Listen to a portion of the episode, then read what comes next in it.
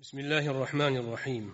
الحمد لله الحمد لله الذي أرسل رسوله بالهدى ودين الحق ليظهره على الدين كله.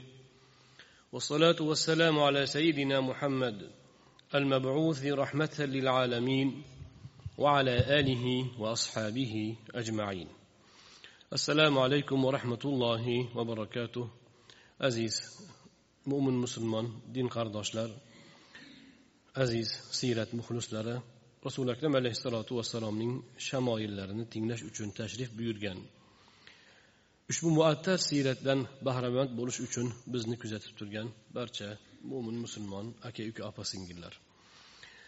Alloh subhanahu va taoloning fazlu marhamati bilan imomi abu iso muhammad ibn iso at termiziy rahmatullohi alayhining shamoil muhammadiya shamail al muhammadiya kitoblarini o'rganib borayotgan edik. O'tgan galgi suhbatimizda biz nubuvvat muhri haqida kelgan matnlarni hadislarni o'rgandik. O'sha kuni vaqt ziq bo'lib qoldi xufton takbir vaqti yaqin bo'lib qoldi. Biz so'zimizga xotima yasolmadik. Qaysi ma'noda? O'sha rivoyatlarni bir jamlab xulosa qilishimiz kerak edi. Mazkur rivoyatlarning birida muhr nubuvvatni kaptarning tuxumiga o'xshatsa yana birida tugmaga o'xshatgan yana birida birov qizil toshmalar toshgan holatda toshgan bir e, bo'rtmaga o'xsharkan deb aytgan yana birov qo'lim mo'yga tegdi degan ba'zi sahobalar mana shunga o'xshash e, e, soib ibn yazid roziyallohu anhu va boshqa sahobalarning rivoyatlarini o'rgandik. Yana ba'zi bir rivoyatlarda muhr nubuvvat undan ham kattaroq shaklda ko'rilgani naql qilinadi. Mana shularni hamma hammasini o'rgangan ulamolarimiz xulosa qiladilarki rasuli akram alayhissalotu vassalomning muhr nubuvvatlari ba'zan o'zgarib turgan. Gohida kattayib gohida kichrayib turgan. Imom qurtubiyning gaplari bor. Va boshqa ulamolarimiz ham aytganlar qurtubiy aytganlarki innahu kana yakbur va yasur kattayib kichayib turar e, kattayib kichayib turgan va har bir sahobiy o'zi ko'rganini aytavergan. Birov kichikroq bo'lgan vaqtda ko'rgan uni naql qilgan birov kattaroq bo'lgan paytida ko'rgan ko'rganini naql qilgan. Va o'sha bo'rtmaning atrofi tuk bilan o'ralgan bo'lgan. Demak Э, mayin tuk borligi u bo'rtmaning muhri nubuvatning atrofida bo'lgan. Nubuvat muhrining atrofi mayin mo'ylar bilan o'ralgan bo'lgan. Lekin ba'zi rivoyatlardan xuddi faqat mo'ydan iboratdek ko'rinadi. Yo'q o'sha muhri nubuvatning atrofi mo'y bilan o'ralgan edi. Mana shu narsa rivoyatlarda naql qilingan. Ba'zi bir rivoyatlarda muhr nubuvatda muhammadu rasululloh degan yozuv bor edi. Yoyinki sirfa innaka mansurun. Yo'lda davom et. Mahkam bo'l. Sen nusrat qilingan odamsan. Nusrat seni quchgan nusrat beriladi senga degan so'zlar yozilgan edi degan rivoyatlar ham bor ekan. Lekin bu rivoyatlar asossiz rivoyatlar hisoblanadi. Noto'g'ri naqllar hisoblanadi. Shuning uchun ular ana shunday ma'nodagi gaplar eshitilsa ularga demak quloq solinmaydi ularga ishonilmaydi. Muhr nubuvat qachondan bo'lgan degan savol tug'iladi. Rasuli akram alayhissalotu vassalom tug'ilganlarida tug'ma bo'lganmi u? Yoyinki shaqqi sadrda bo'lganmi? To'rt besh yoshlarida ko'kraklari yorilib yuraklari tozalangan edi. Ana o'shanda bo'lganmi? Yoki payg'ambar bo'lganlaridan keyin paydo bo'lganmi? Degan ehtimol bor. Uchala ehtimolni ham o'ziga yarasha ba'zi bir e, ishoralar bilan quvvatlashga harakat qilinadi lekin muhaqqiq ulamolarimiz jumladan ibn hajar asqaloniy rahmatullohi alayhi va boshqa katta muhaddislar shaqqi sadrdan qolgan deyiladi deyishadi. Ya'ni ko'krakni yorib shaytonni nasibasi rasuli akram alayhissalotu vassalomning yuraklaridan qalblaridan olib tashlgan edi. O'sha shaqqi sodir voqeasidan keyin o'sha demak e, muhr nubuvat o'sha joyda demak o'rnatilgan go'yoki bir endi payg'ambarlik mana E, imzosi chekildi bo'lgan. Mana shu gapni ko'pchilik ulamolar quvvatlaydilar muhr nubuvvat oldingi payg'ambarlarda ham bo'lgan xususan ahli kitoblarga yuborilgan yahudiy nasroniylarga yuborilgan payg'ambarlarda muhr nubuvvat bo'lgan. Ular odatda ichlaridan muhr payg'ambarlik davosi bilan birov gapirsa muhr nubuvvatlaridan tanigan payg'ambarlar. Shuning uchun o'sha ahli kitoblar payg'ambarimiz alayhissalotu vassalomga iymon keltirishdan oldin ko'plari musulmon bo'lgan bo'lishlaridan oldin aynan kelib rasuli akram alayhissalotu vassalomning muhr nubuvvatlarini ko'rishga oshiqqan. Nega? Ularning kitoblarida payg'ambarlik belgisi bo'ladi mana shu oxirgi zamon payg'ambarining muhri demak e, ikki kurak o'rtasida bo'ladi degan gap bo'lgan. Ba'zi payg'ambarlarning muhrlari kaftlarida qo'llarida bo'lgan ekan. Э, lekin rasuli akram alayhissalotu vassalomning kaft chizig'larida shu muhammad rasululloh degan yozuv sezilardi degan rivoyatlar ham bor. Lekin muhr nubuvvat bu e, asosan payg'ambarimiz alayhissalotu vassalomning demak payg'ambarliklari belgisi. Oldingi payg'ambarlarga ham berilgan bo'lsada rasululloh akram alayhissalomning muhrlari demak hammasidan ko'ra yanada bir ravshanroq va yanada bir e, o'zlariga xos o'ziga xos bir xususiyatlarga ega edi. Sahobalar ba'zi sahobalar o'tgan safar o'rgandik atay o'tib ko'rgisi kelib orqaga o'tganda rasuli akram alayhissalotu vassalom ridolarini tashlab ko'rsatganlar. Birlari ko'rib men ko'rdim rasululloh rasululloh alayhissalotu vassalomning muhrlarini. Haqiqatdan mana shu e, yurakni orqasida ekan desa ikkinchilari ham qiziqsa ikkinchilarga ham ana o'sha holatda ularga iltifot qilib ko'rsatganlar aynan yurakning orqasida ekanligi demak qalbning ro'barosida bo'lishi bu alohida bir ma'no kasb etadi chunki zotan vahiy ham payg'ambarlarga qalbga bo'ladi نزل به الروح الأمين على قلبك لتكون من المنذرين بلسان عربي مبين ruhul amin jabroil farishta qur'onni sizning qalbingizga nozil qildi deydi olloh quloqqa kelmaydi vahiy quloqqa kelmaydi Quloqqa gapirilgan gap uzoq vaqt talab qiladi. Lekin qalbga kelgan vahiy u bir zumda bir olam ma'noni beradi. Tush ko'rsangiz tush ko'rsangiz xuddi mana shundoq. Bir necha daqiqa yoki soniya tush ko'rasiz aytib bersangiz bir olam bo'ladi. Hayolingizdan kechgan kechinma ham zumda ancha narsani hayoldan o'tkazsa bo'ladi. Qalbga vahiy qalbga keladi. Qalbga kelgani uchun vahiyning o'rni bo'lgan yurak qalbning ro'parasida muhr nubuvvat joylashgan edi deyiladi. Navbatdagi mavzu uchinchi bob. Rasuli akram alayhissalotu vassalomning sochlari haqida sochlarining uzun kaltaligi miqdori haqida boradi. بسم الله الرحمن الرحيم وبالسند المتصل عن شيوخي إلى المصنف رحمة الله عليه أبو أبي عيسى محمد بن عيسى الترمذي الذي قال باب ما جاء في شعر رسول الله صلى الله عليه وسلم. حدثنا علي بن حجر أنبأنا إسماعيل بن إبراهيم عن عن حميد عن أنس بن مالك رضي الله عنه قال كان شعر رسول الله صلى الله عليه وسلم إلى نصف أذنيه. أنس بن مالك رضي الله عنه دان رواية قلنادا رسول الله صلى الله عليه وسلم نين sochlari quloqlarining yarmiga tushib turar edi.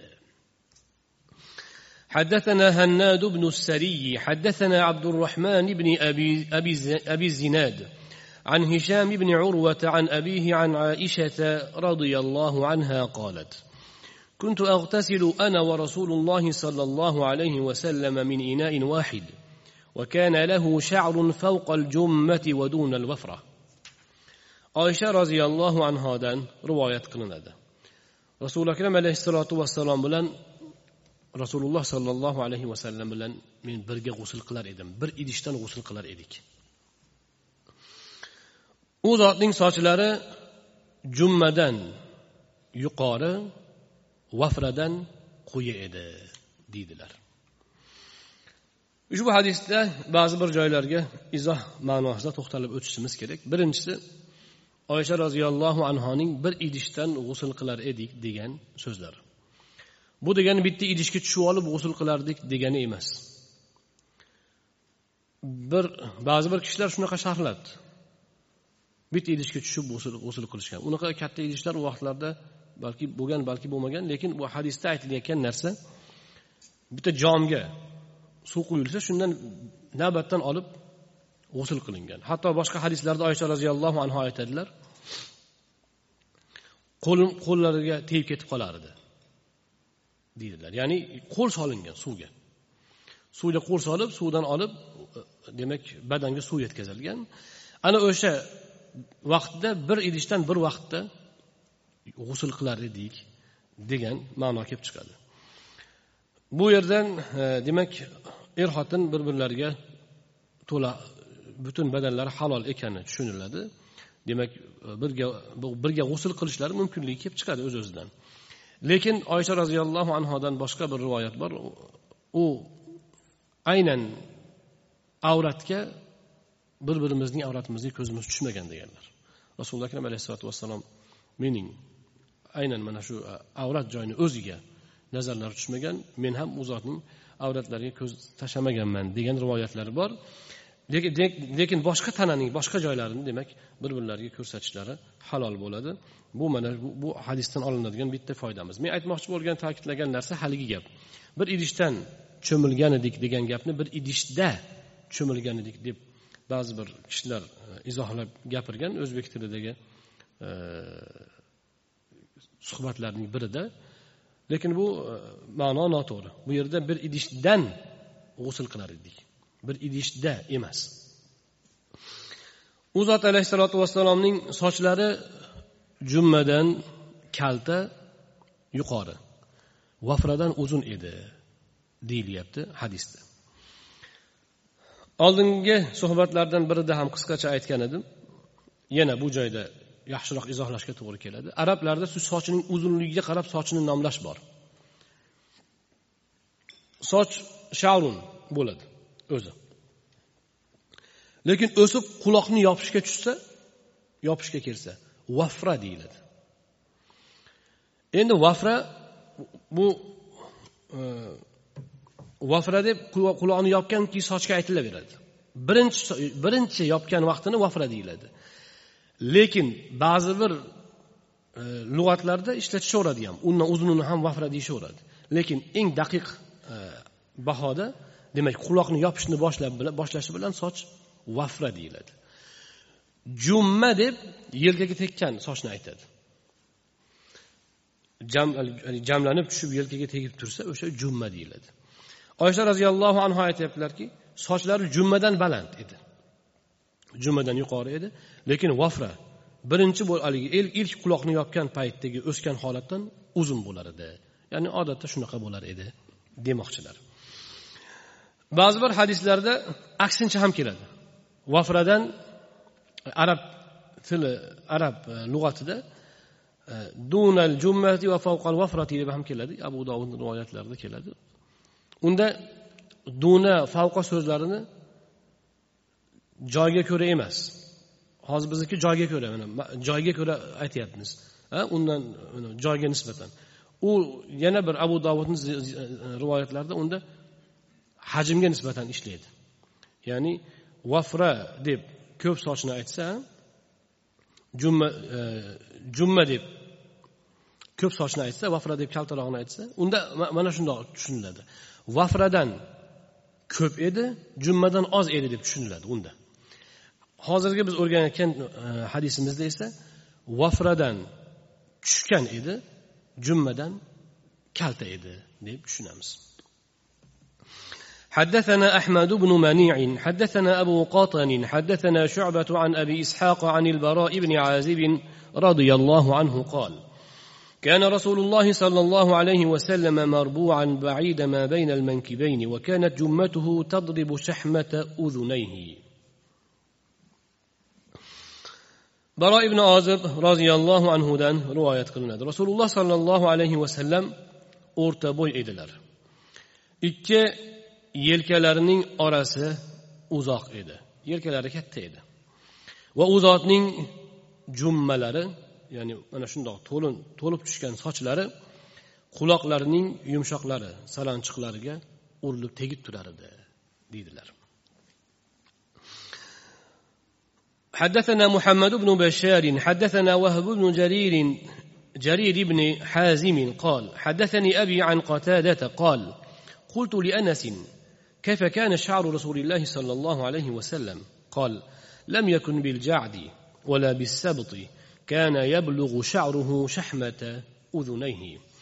قطاد أي تدلر من أنس بن مالك رسول الله صلى الله عليه وسلم نمس أشلر قاندي إذا ديب سوال بيردم وأتكي جدا جنجلك هم إمسد جدا سلق هم إمسد أذنين أشلر quloqlarining yumshoqlariga salonchoqlariga tushib turar edi yetib turar edi deydilar.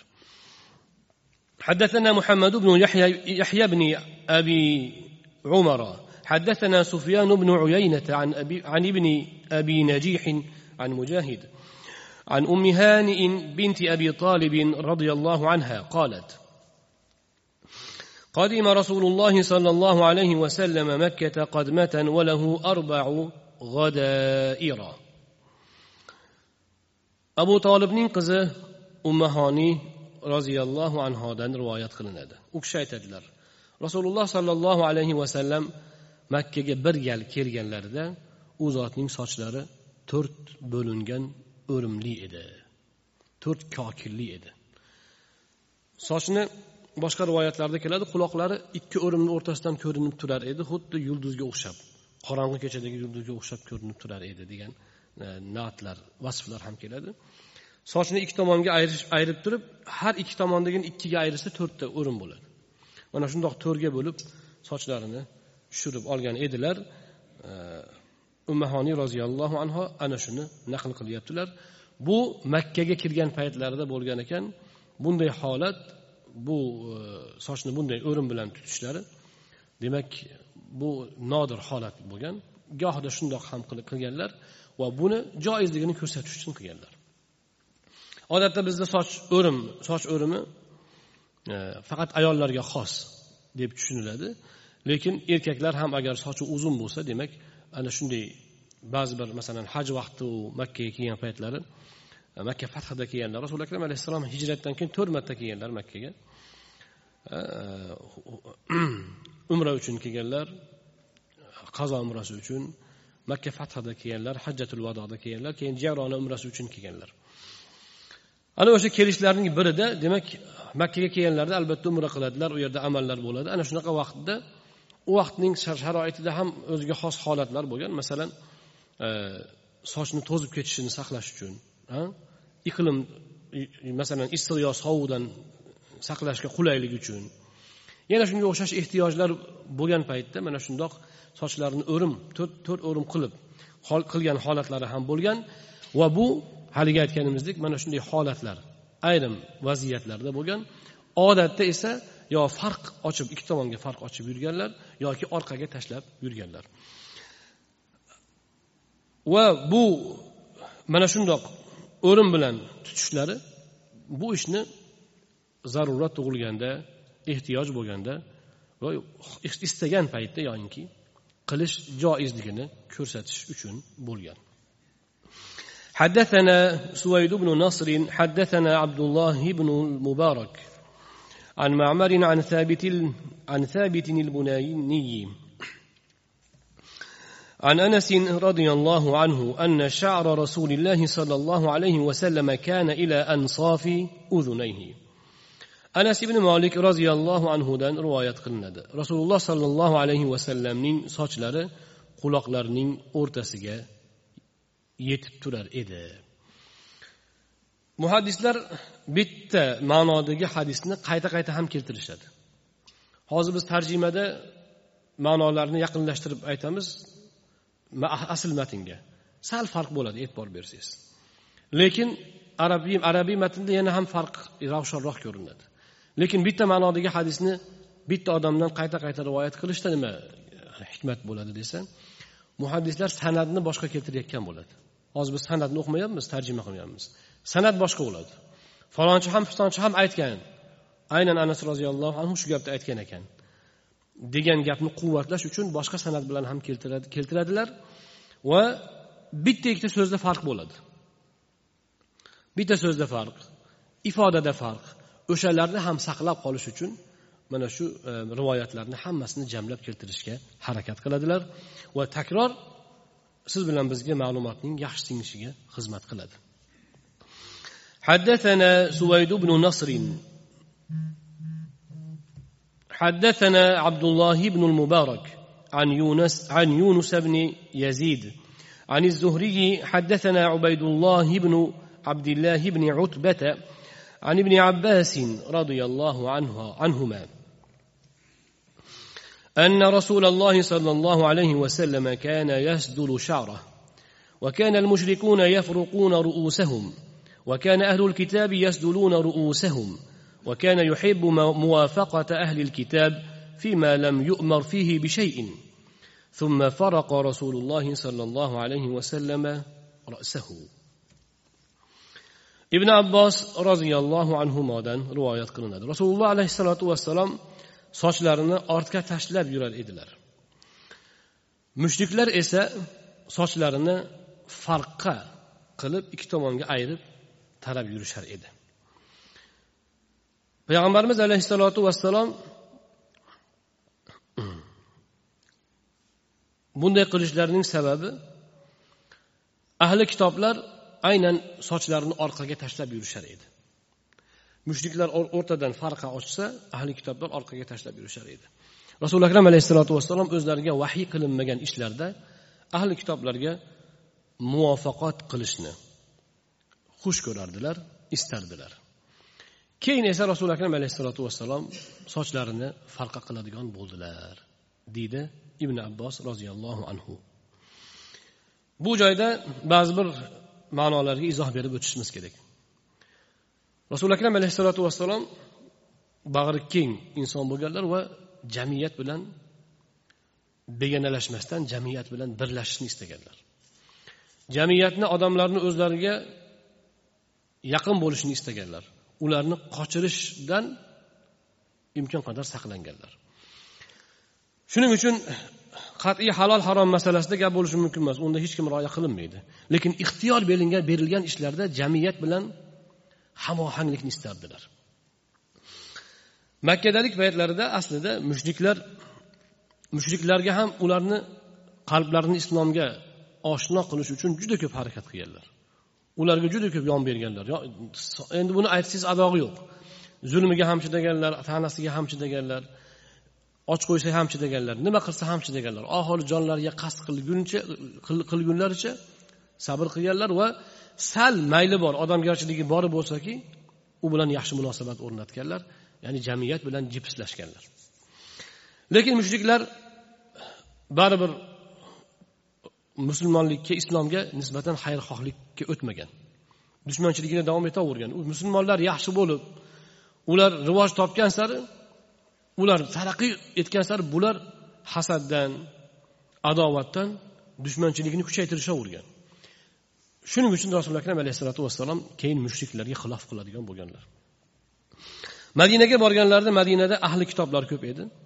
Ularga haligindek ixtiyor berilgan ishlarda muvaffaqat qildilar.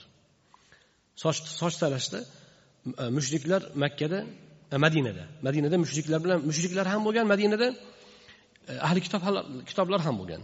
Ibn abbos roziyallohu anhu aytayotgan joy gap bu gap madinaga tegishli gap.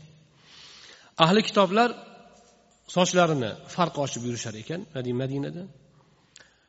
Mushriklar esa orqa aksincha mushriklar farq ochib yurishar ekan ahli kitoblar orqaga tashlab yurishar ekan. Rasuli akram alayhissalotu vassalom ahli kitoblar baribir samoviy din egalari. Hm? Ularning ishlarida samoviy ta'limotning davom davomi bor. O'zgargan joyidan tashqari rost saqlangan joylari ham bor. Shu bilan birga ularni islomga kelishlaridan umid ko'proq qilganlar. Nega desa mushriklar ular e, ko'p xudolikka yopishib qolgan tavhidga hech yaqinlashtirmaydi. Ahli kitoblar esa asli e'tiqodi tavhid ularni. Agar ular biroz tadabbur qilsa tavhidga qaytishi ya'ni islomga kirishi oson. Ana shu ma'noda ahli kitoblarning islomga kirishiga ko'p mushfiq bo'lganlar. Bunga ko'p haris bo'lganlar. Shuning uchun ular bilan yaqinlikni bog'lanishni kuchaytirish uchun o'zlariga ixtiyor berilgan ishlarda ularga muvaffaqat qilganlar. Ibn abbos roziyallohu anhu shuni aytmoqchi. Lekin ular ham demak e,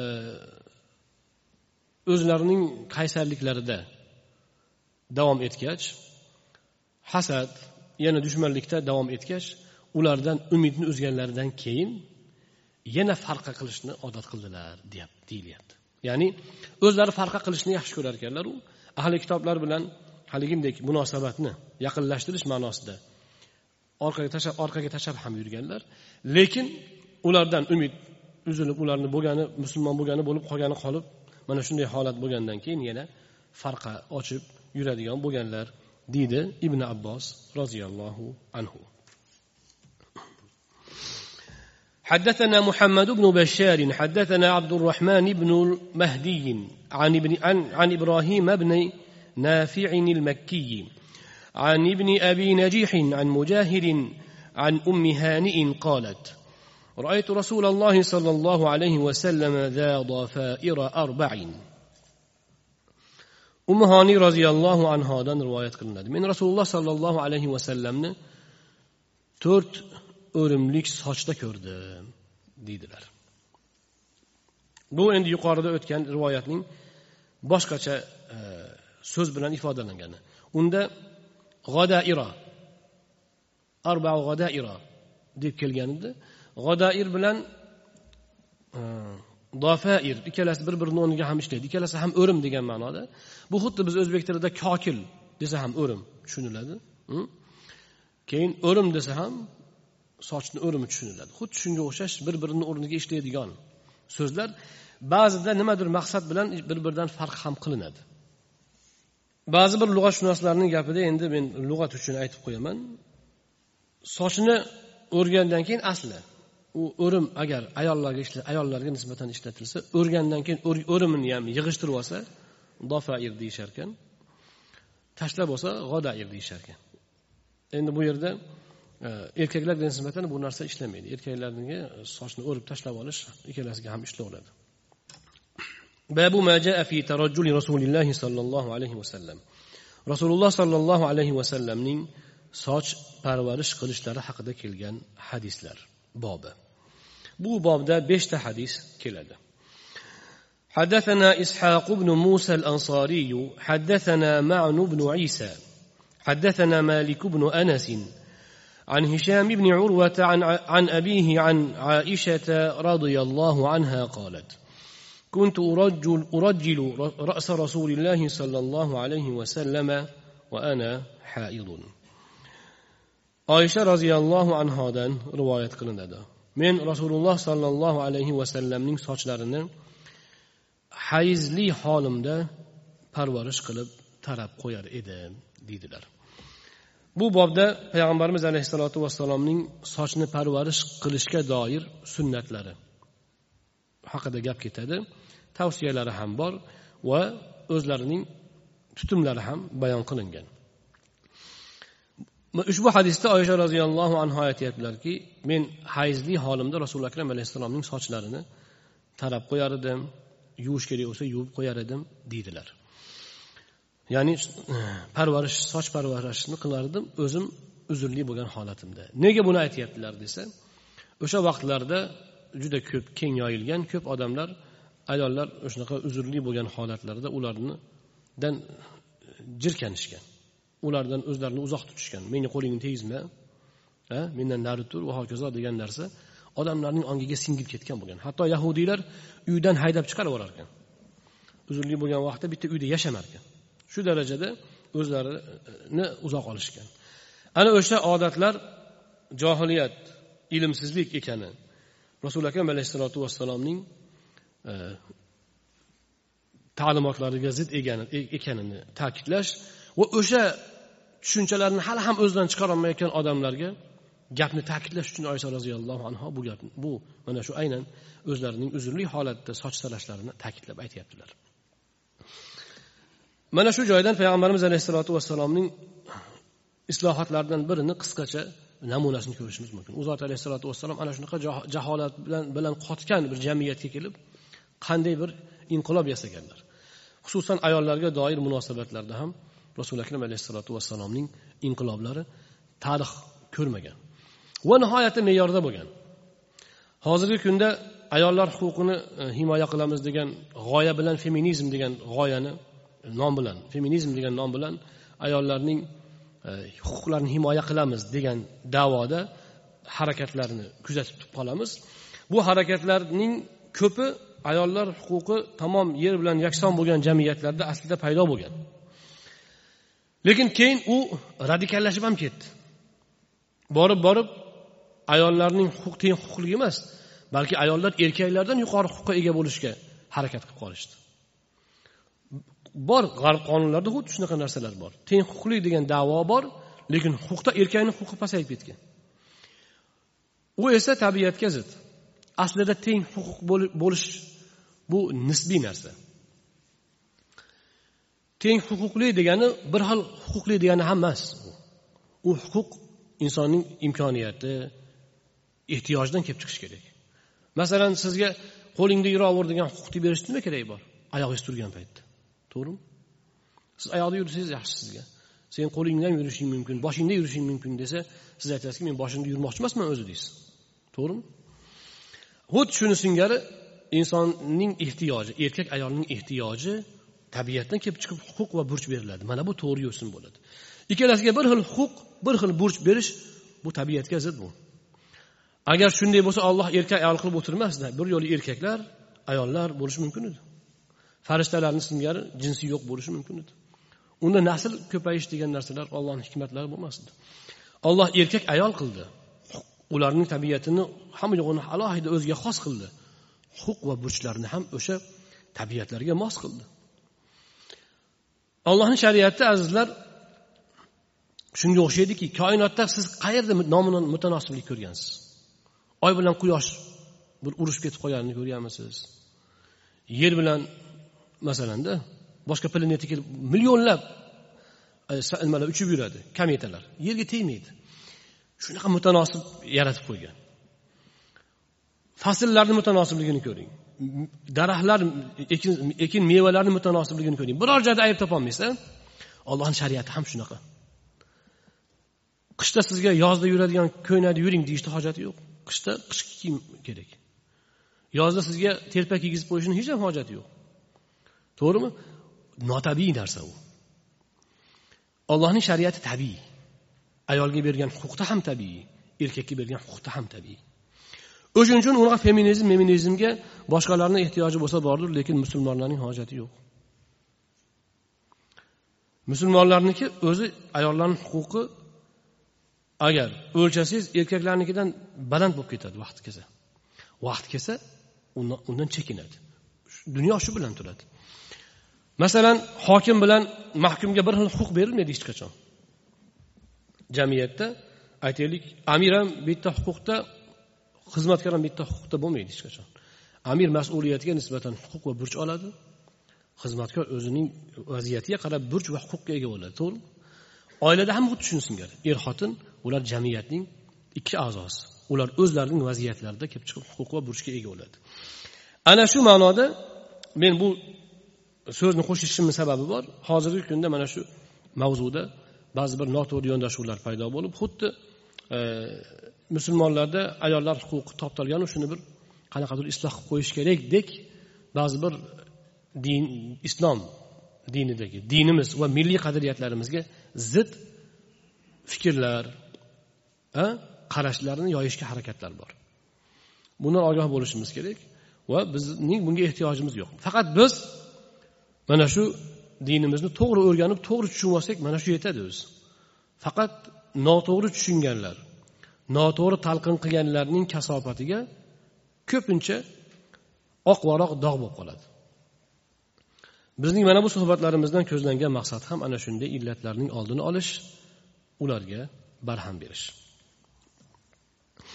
حدثنا يوسف بن عيسى حدثنا وكيع حدثنا الربيع بن صبيح عن يزيد بن ابان هو الرقاشي عن انس بن مالك رضي الله عنه قال كان رسول الله صلى الله عليه وسلم يكثر دهن رأسه وتسريح لحيته ويكثر القناعة ويكثر القناعة حتى كأن ثوبه ثوب زيات. أنس بن مالك رضي الله عنه دان رواية قناد رسول الله صلى الله عليه وسلم صشلرن كب يغلر إدلر و soqollarini ham tez tez yog'lab turar edilar.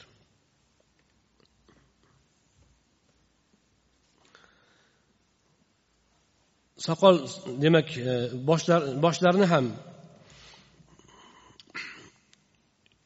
yog'lab turar edilar soqollarini ham yog'lab tarab parvarishlab turar edilar va u zot alayhissalotu vassalom ko'pincha boshlariga durra ishlatardilar. Haligi peshonadan bog'lab olinadigan e, latta bo'ladi. Gohida ustalar bog'lab oladi peshonadan tortib bog'lab oladi. Mana shunga mana shuni qino deydi. O'zbekchada ham nomi bor edi men eslolmayapman peshonaboq peshonaboq peshonaboq e, ni ko'p ishlatar ko'p taqardilar peshonaboqni va o'sha peshonaboqlari o'sha mato yog' sochlarining yog'i ko'pligidan xuddi yog'chining peshona bog'iga o'xshab ketar edi deydilar anas roziyallohu anhu حدثنا هناد بن السري حدثنا أبو الأحوص عن أشعث بن أبي الشعثاء عن أبيه عن مسروق عن عائشة رضي الله عنها قالت إن كان رسول الله صلى الله عليه وسلم لا يحب التيمن في طهوره إذا تطهر وفي ترجله إذا ترجل وفي انتعاله إذا انتعل oysha roziyallohu anho aytadilar rasululloh sollallohu alayhi vasallam o'ng tomondan ish boshlashni yaxshi ko'rardilar tahorat qilganlarida o'ng tomondan boshlashni yaxshi ko'rardilar sochlarini parvarishlaganda ham o'ng tomondan parvarishlashni boshlashni yaxshi ko'rardilar shipak kiyganda ham shipaklarni o'ng oyoq bilan kiyishni yaxshi ko'rar edilar mana shundoq qilardilar deydilar. Boshqa bir hadisda oysha roziyallohu anhoning aynan o'zlari aytganlar fi kulli shayin deganlar. Hamma narsada hamma narsada hamma muhtaram ishlarda o'ng tomonni ishlatardilar. Yeyish ichish ko'rishish demak g'usul qilganda ham oldin o'ng tomondan suv quyish. Yana mana bu joyda aytilgandek sochini tarayotganda o'ng tomondan boshlab tarash. Soqol taraganda ham o'ng tomondan boshlab tarash. Yana poyafzal kiyganda o'ng oyoq bilan kiyish. Va tahorat olganda albatta o'ng qo'l oldin keyin chap qo'lni yuvish o'ng oyoqni oldin keyin chap qo'l oyoqni yuvish. Mana shu hamma hammasida rasuli akram alayhissalom o'ng tomondan bajarishni yaxshi ko'rardilar ushbu sunnatni biz hayotimizda doim mahkam ushlashimiz kerak. Men hayot o'zimizda oddiy ko'rib qolaman. Oddiy odamlarimiz hayotimizda ko'rib qolaman. Masalan chap qo'lda narsa yeb ketishaveradi. Chap qo'lda ichib ham ketishaveradi. Bu sunnatga zid. Hadisda keladi chap qo'lda yeb ichish shaytonning ishi. Chap qo'l mustahab qilish najosatni poklash kabi ishlarga ishlatiladi. O'ng qo'l esa sharafli ishlarga ishlatiladi. Mana shu narsaga hushyor bo'lish kerak. Endi ba'zi bir o'ng qo'l bilan o'ng bilan chapni oyoq bilan yuzni farqiga bormaydigan haligi madaniyatli xalqlarning odob axloqi bizga kerak emas. Biz mana shu o'zimizning qadriyatlarimiz islomiy demak odoblarimizga rioya qilishimiz lozim. حدثنا محمد بن بشار حدثنا يحيى بن سعيد عن, عن هشام بن حسان عن الحسن. عن عبد الله بن مغفل قال نهى رسول الله صلى الله عليه وسلم عن الترجل إلا غبا. abdulloh ibn mug'affal roziyallohu anhu aytadilar rasululloh sollallohu alayhi vasallam sochni parvarish qilishdan qaytardilar illo ahyon ahyonda qilishni oralatib qilishni ta'kidladilar. Ya'ni rasululloh sollallohu alayhi vasallam sochni uzluksiz parvarish qilishdan qaytardilar demoqdilar goh parvarish ya'ni goh tarab parvarish qilib yasanib goh o'ziga qo'yib qo'yishni tavsiya qildilar deydilar.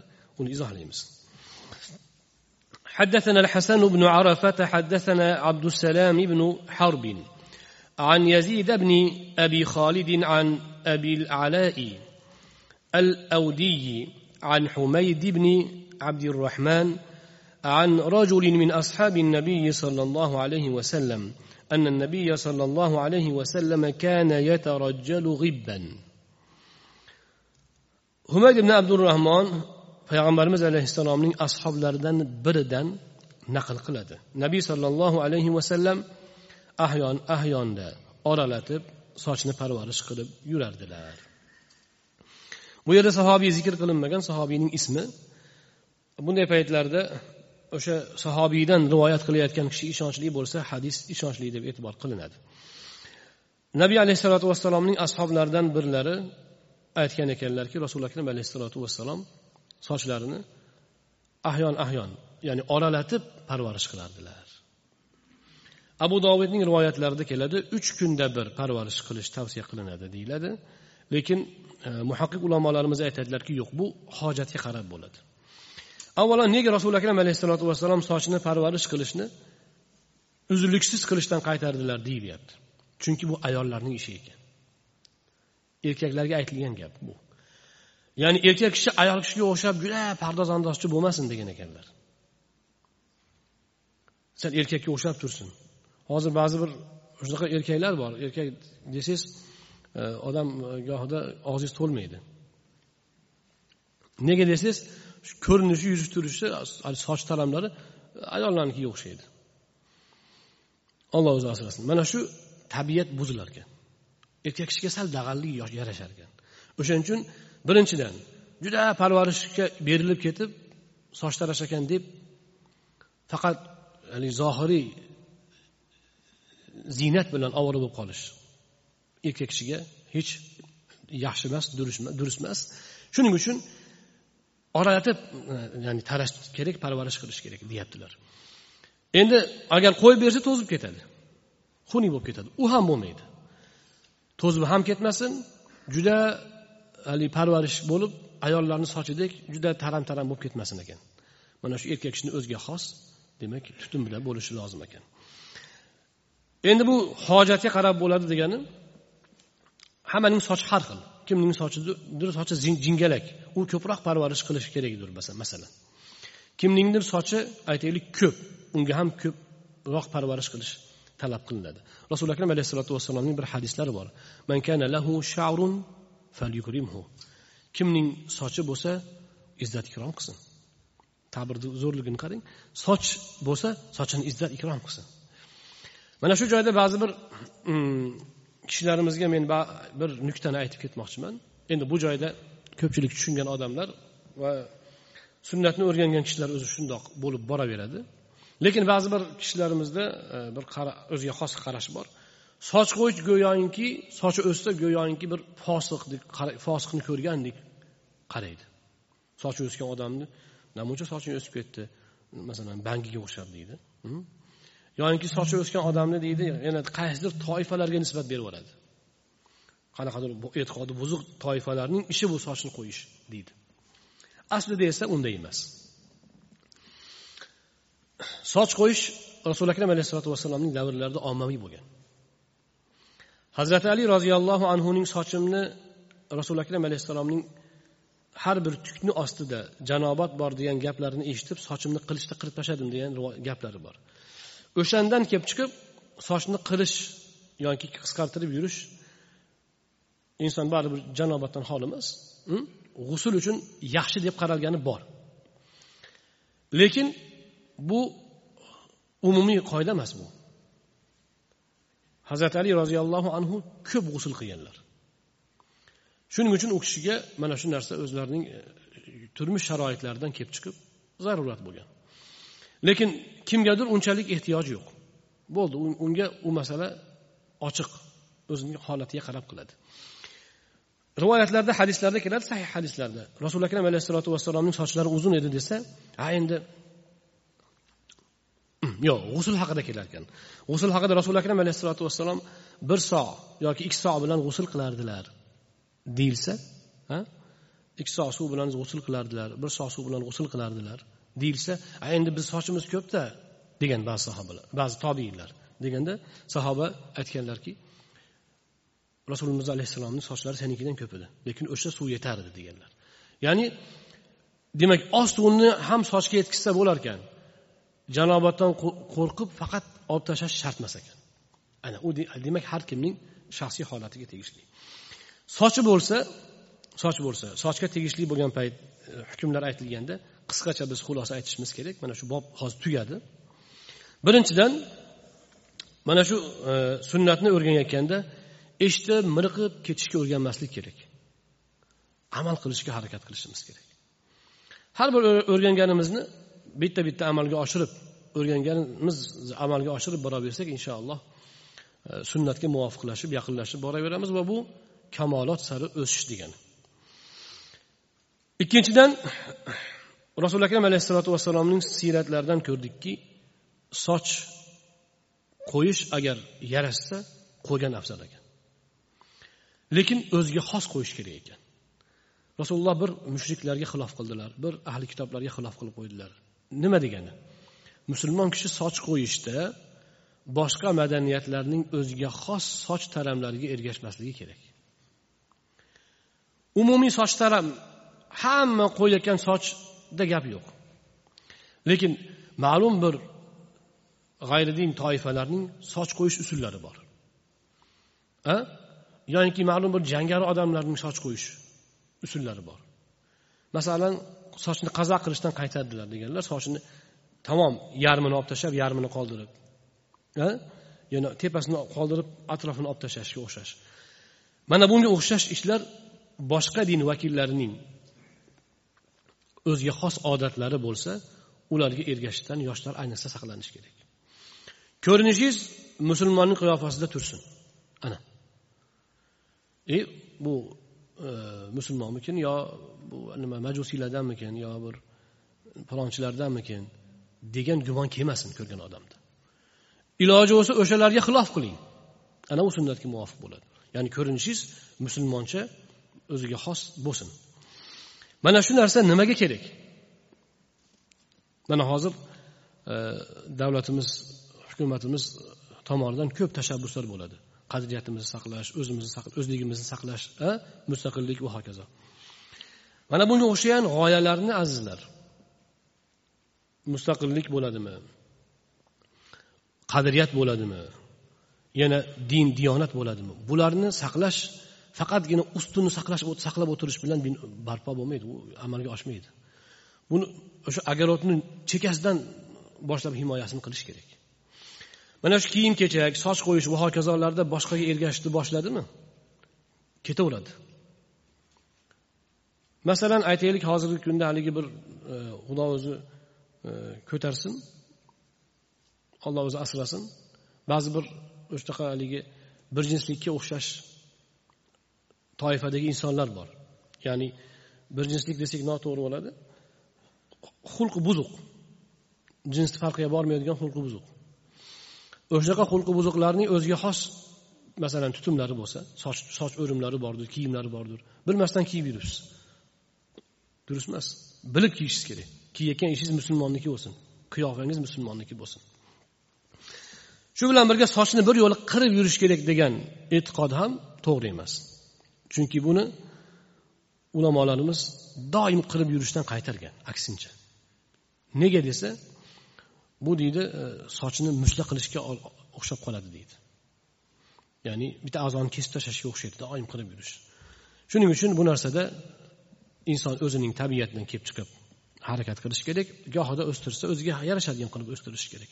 Rasuli akram alayhissalotu vassalom umrlarida besh marta soch oldirganlar.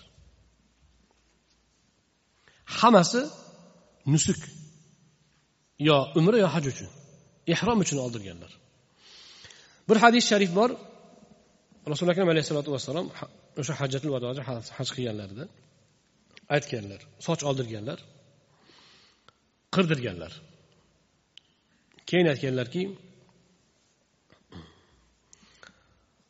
rahimallohu muhalliqin deganlar. Olloh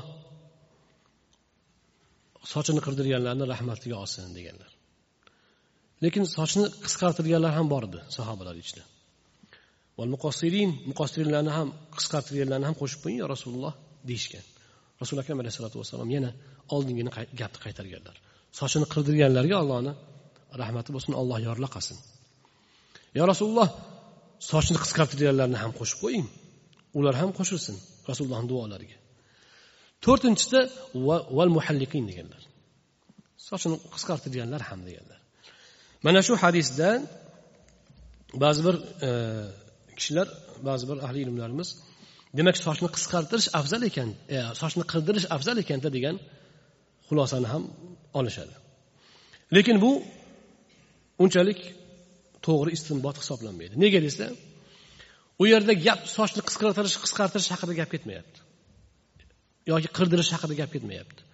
Bu odatiy hayotda o'ziga mos o'ziga yarashadiganini qilaverish kerak. O'sha sunnat.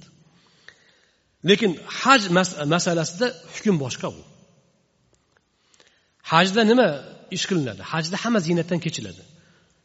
Chiroyli choponlaringizni yechgansiz tikilgan kiyim kiymasdan hamma bir xil kapani singan matoga o'rab olgan lekin soch turibdiyu soch.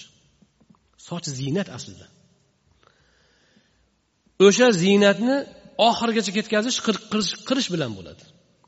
Qisqartirish ziynatni baribir saqlab qolish bo'ladi. U maqom ehrom maqomi haj maqomi bandalikni oxiriga yetkazish.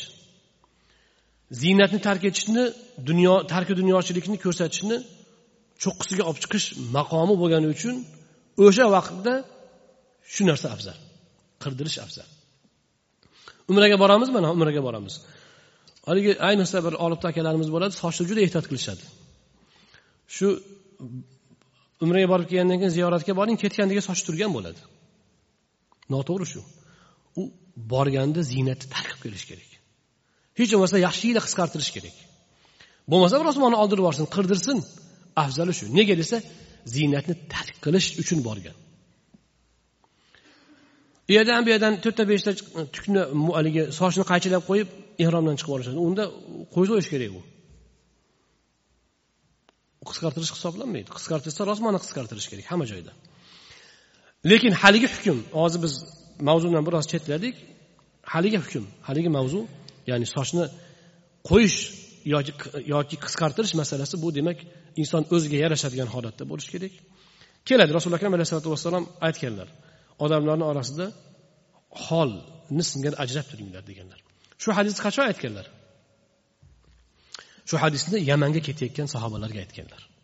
Nega desa yamanliklar madaniyatli bo'lgan. O'sha vaqtda eng madaniyatli xalq bo'lgan. Arab jazirasidagi eng madaniyatli qabilalar yamanliklar bo'lgan. Hazramavut yamanda bo'lgan. Ular juda o'ziga e'tibor bergan o'ziga qaragan odamlar bo'lgan ekan. Rasuli akram alayhisalotu vassalom sahobalarni u joyga da'vatga jo'natayotgan paytda aytyaptilarki borib ularni oldida to'zigan haligi o'ralashgan bo'lib yurmanglar. O'shalarni ichida hol bo'lib yuringlar. O'zinglarga parvarish qilishni ulardan do'ndirib yuboringlar deb aytganlar. Ana shu ma'noda musulmon kishi sochni ham soqolni ham ana shundoq o'zida yarash o'ziga yarashadigan qilib ushlash kerak. Inshaalloh rasuli akram alayhisalotu vassalomning soqollari haqida ham gap kelganda yana e, nimani davom ettiramiz. Mavzuda ba'zi bir fikrlarimizni davom ettiramiz.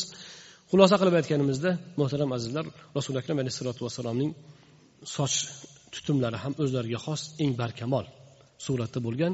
Ayniqsa o'sha davrga nisbatan olib qarasak bu juda katta bir e, inqilob bo'lgan desak xato bo'lmaydi. Va payg'ambarimiz alayhissalotu vassalomning demak har bir ishlari vahiy nazoratida allohning roziligiga muvofiqligi bilan asosiy siz bilan biz uchun qadrli hisoblanadi va biz uchun yo'llanma e, yo'riqnoma hisoblanadi. Navbatdagi bob. Babu ma jaa fi shaybi rasulillahi sollallohu alayhi vasallam rasululloh sollallohu alayhi vasallamning oq mo'ylari haqida kelgan xabarlar. Ya'ni soch soqollaridagi oqliklar oq mo'ylar haqida kelgan xabarlar. حدثنا محمد بن بشار حدثنا أبو داود حدثنا همام عن قتادة عن قال قلت لأنس بن مالك هل خضب رسول الله صلى الله عليه وسلم؟ قال لم يبلغ ذلك. إنما كان شيئا في صدغيه ولكن أبو بكر رضي الله تعالى عنه خضب بالحناء والكتم.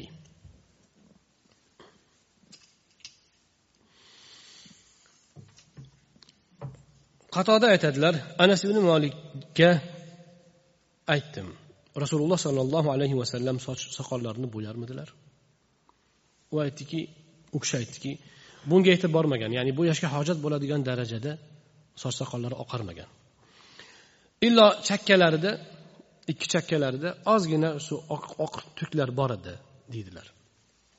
Lekin abu bakr roziyallohu anhu xino va katam bilan soch soqollarini bo'yardilar. Katam bu yamanda o'sadigan o'simlik ekan. U katam bo'yoq uchun ishlatiladigan o'simlik bo'lgan. Xina to'q qizil rang bersa katam qo'shsa rang qorayar ekan qop qora emas qoralikka tortar ekan. Ya'ni qizillikdan qoralikka qarab tortar ekan. Ikkalasini qo'shilishi shu qizillikni qoraytirish uchun e, bo'lar ekan katamni qo'shilishi.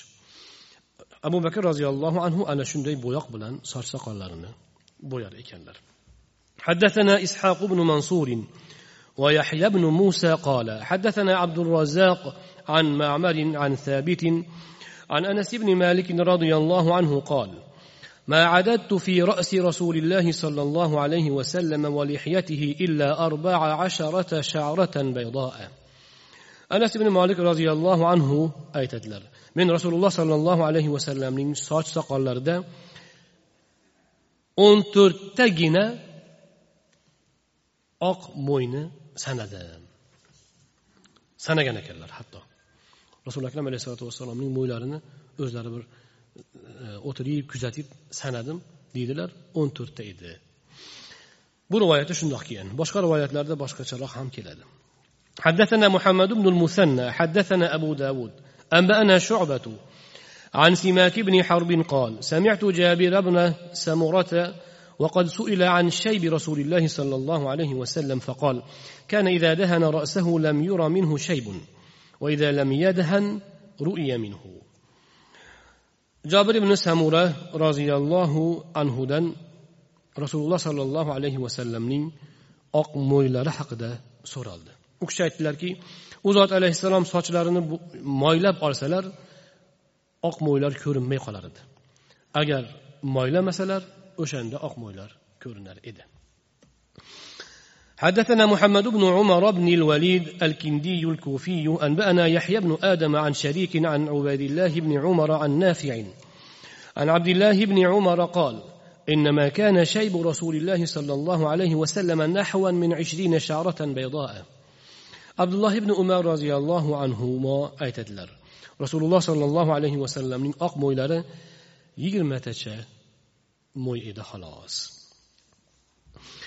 حدثنا أبو كريب محمد بن العلاء حدثنا معاوي معاوية بن هشام عن شيبان عن أبي إسحاق عن عكرمة عن ابن عباس قال قال أبو بكر يا رسول الله قد شبت قال شيبتني هود والواقعة والمرسلات وعما يتساءلون وإذا الشمس كوبرت ابن عباس رضي الله عنهما أيتدلر أبو بكر يا الله نين رسوله صار سقال المزجي أخدش بقبتكو ديبتلر شن رسول الله عليه الصلاة والسلام؟ ها من هود واقعة مرسلات أما يتساءلون. نبأ يعني. و ya'ni takbir suralari qaratdi soch soqolimga oq tushirdi dedilar. Yana boshqa rivoyatlarda keladi o'sha xuddigi oyat alohida ta'kidlanadi. Yo rasululloh sahih buxoriyda kelgan siz soch soqolingizga oq tushibdiku deganda fastaqim kama umirta dedi olloh olloh senga nimani qanday buyursa shundoq istiqomatda tur degan buyruqni nozil qildi. Mana shu narsa meni soch soqolimga oq tushirdi. Deganlar. Bu hadisda esa rasuli akram alayhissalotu vassalom beshta surani sanayaptilar. Hud voqea mursalot e, naba va takbir suralari.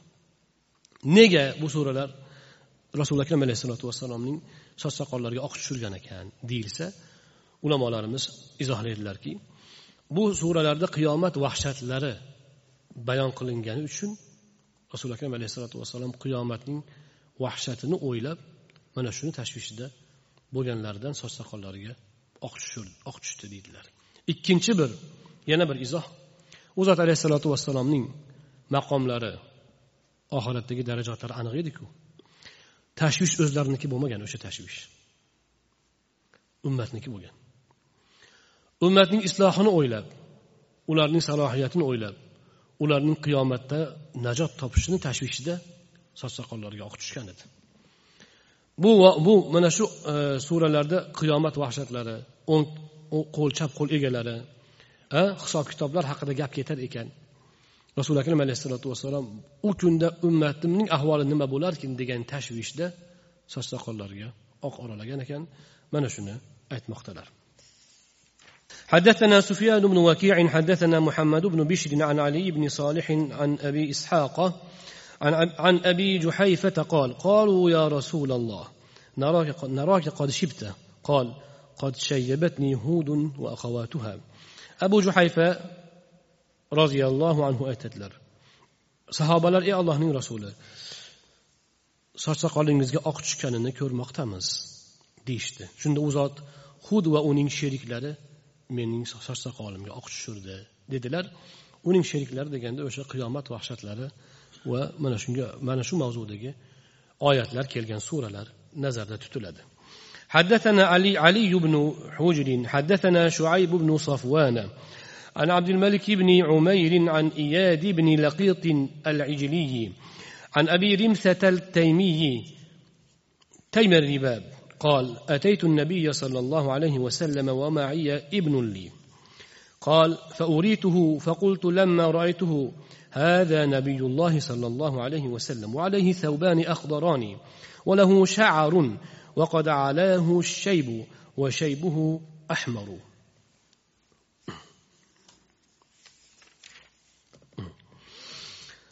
abu rimsa at dan rivoyat qilinadi. Nabiy alayhissalotu vassalomning huzurlariga keldim. Yonimda bir o'g'lim ham bor edi. Aytadi o'g'li. U kishi aytadilar. Ya'ni o'g'illari abu limsa aytadilar. Meni rasuli akram alayhissalotu vassalomga tanishtirishdi. Men u zotni ko'rgach mana bu ollohni payg'ambarida endi bu dedim. Ya'ni u zot alayhissalotu vassalomni ko'rganda payg'ambarliklariga bo'lgan ishonchim yana ham ortib ketdi. O'zi rasuli akram alayhissalotu vassalomga birinchi marta yo'liqyapti ekanlar. U kishini ham rasululloh tanimas ekanlar tanitishibdi. O'zlari ham rasululloh alayhissalomni birinchi marta ko'ryapti ekanlar. Ana u zotni birinchi ko'rgandayoq mundoq razm solib turib hada nabiyulloh mana ollohning nabiysi mana bu mana shu zot. Dedim deydilar. Va o'shanda u zotning egnilarida ikkita yashil kiyim bor edi. Sochlari ham bor ekan. E, sochlariga oq oralagan edi va qizg'ish edi. Ya'ni o'sha oq sochlari bo'yagan paytlarida qizg'ish bo'lib qolardi. Oppoq soch ko'rmagan ekan roviy. Roviy rasuli akram alayhissalotu vassalomning sochlarida qizargan sochlarini ajrab turganini ko'rgan demak shular oq oq mo'ylar ekan shular. Mana shuni aytmoqdalar.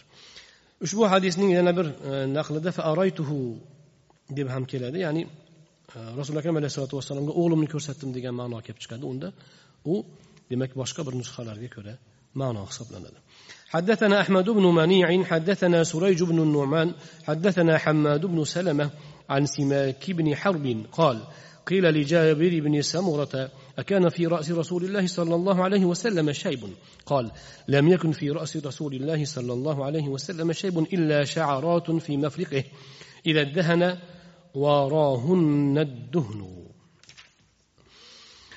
jobir ibn samura roziyallohu anhuga aytildiki rasululloh sollallohu alayhi vasallamning boshlarida oq tuklar bor emidi u zot aytdilar rasululloh sollallohu alayhi vasallamning sochlarida faqat mafriqlarida ya'ni farqalarida farqa deb sochni ikki tomonga ayirishga aytilsa shu mana shu ikki tomonga ayrilgan edi. Farqani o'zida bir nechtagina tuklar bor edi. Mana shu xolos edi oq oq tuklar boshqa oq tuklari yo'q qolgan sochlari hammasi tim qora edi. O'sha oq sochlar ham oq oq tuklar ham oq sochlar ham bo'yagan paytlarida yoki yog'lagan paytlarida ko'rinmay qolar edi deydilar e, jobir ibn samuna roziyallohu anhu. Biz bitta gapga izoh aytib ketmoqchi edik.